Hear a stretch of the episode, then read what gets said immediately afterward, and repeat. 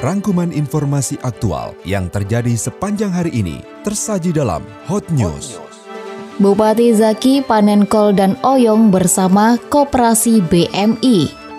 Pendaftaran SNMPTN 2020 dibuka pukul 14.00 hari ini.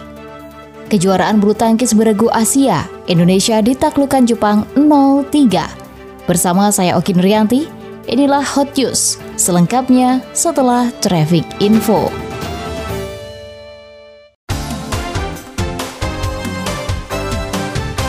Bupati Tangerang Mazaki Iskandar bersama Presiden Koperasi Syariah Benteng Mikro Indonesia memanen sayuran kol dan oyong di Desa Blubuk, Kecamatan Kronjo. Bupati mengatakan untuk mendukung perairan di wilayah Kronjo dibangun tandon air untuk mendukung pertanian. Bupati berharap sektor pertanian hortikultura terus digalakan untuk wilayah Kronjo yang telah terbukti seperti kol, cabai, dan oyong bisa dipanen lebih cepat. Sementara itu Presiden Koperasi Syariah BMI Kamarudin Batubara mengatakan telah memanen Kol dan Oyong yang merupakan petani binaan Koperasi BMI dengan jumlah 11 orang.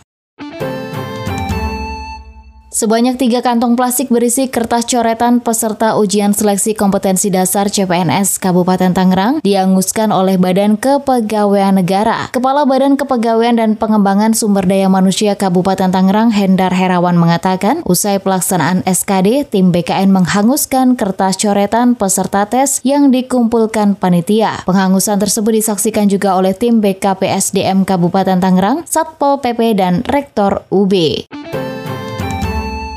Lima orang warga Kabupaten Tangerang terindikasi suspek corona telah merayakan Imlek 2020 di negara Cina. Namun setelah menjalani berbagai pemeriksaan, kini seluruhnya dinyatakan sehat dan terbebas dari virus tersebut. Kepala Bidang Pencegahan Pengendalian Penyakit pada Dinas Kesehatan Kabupaten Tangerang, Hendar Tarmisi menjelaskan bahwa kelima warga Tangerang dinyatakan tersuspek setelah kepulangan mereka dari Cina. Menurut Hendra, mereka dicurigai karena terkena virus corona setelah merayakan Imlek di Cina pada pada dua pekan yang lalu. Saat ini semua pasien sudah diperbolehkan pulang, namun tetap harus rutin melakukan pemeriksaan ke fasilitas kesehatan untuk mengetahui kondisi daya tahan tubuh pasien tersebut.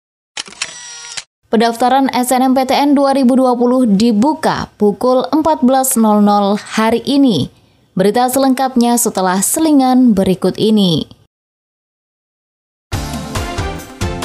Ada seleksi nasional masuk perguruan tinggi negeri SNMPTN 2020 mulai dibuka hari ini. Lembaga tes masuk perguruan tinggi menyatakan masa pendaftaran SNMPTN itu dibuka secara daring kurun waktu 14 Februari pukul 14.00 hingga 27 Februari pukul 23.59. Ada beberapa tahapan pendaftaran yang harus dipenuhi calon peserta. Untuk mendaftar SNMPTN di situs www.portal.ltmpt.ac.id. Paling pertama adalah masuk di portal tersebut lewat akun pribadi yang sudah dibuat.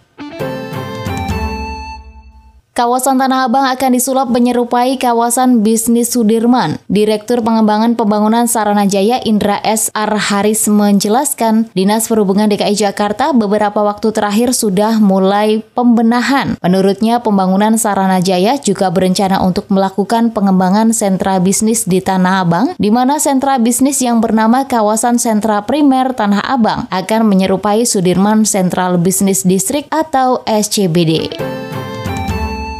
Kurang lebih dalam waktu 4 bulan ke depan, solois Raisa Andriana akan menggelar konser bertajuk Raisa Live in Concert di Stadion Utama Gelora Bung Karno 27 Juni 2020 mendatang. Saat ini ia tengah mengaransemen ulang lagu-lagu sebagai persiapan. Menurutnya konser itu akan lebih menarik ketimbang yang sebelumnya ia gelar. Pasalnya kali ini aransemen musik yang ia buat mengikuti visual yang sudah dibuat oleh timnya.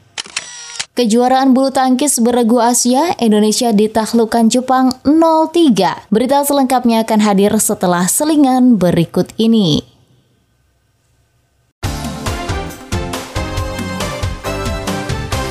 Handetalan tim putri Indonesia terhenti di babak perempat final kejuaraan bulu tangkis beregu Asia 2020. Tim Merah Putih diajar Jepang 0-3. Di Rizal Memoriam Coliseum Indonesia menurunkan Gregoria Mariska Tunjung di tunggal pertama berhadapan dengan Akane Yamaguchi. Gregoria kalah 9-21 dan 15-21. Indonesia tertinggal 0-1. Grecia Poli dan Apriani Rahayu juga gagal menyumbang poin. Mereka tumbang saat berhadapan dengan Yuki Fukushima dan Sayaka Hirota. Ruseli Hartawan menjadi penentu nasib Indonesia. Dia bertarung melawan Sayaka Takahashi di laga ketiga. Ruseli akhirnya harus mengakui keunggulan Sayaka dengan kedudukan 14-21.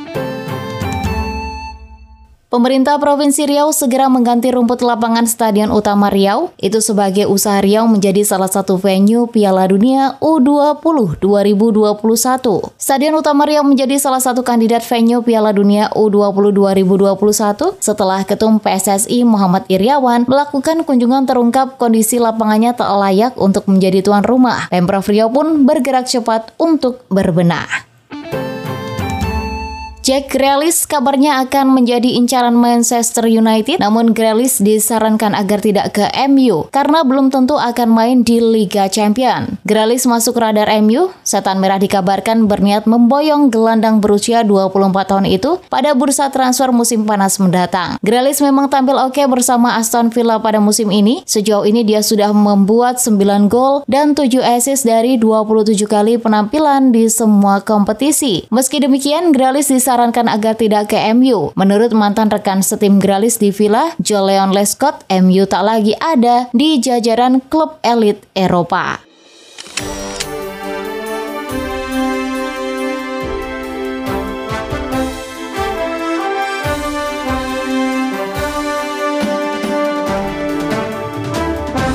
Sekian Hot News edisi Jumat 14 Februari 2020. Kembali ke Andri dan Halida di Hot Horizon Tangerang.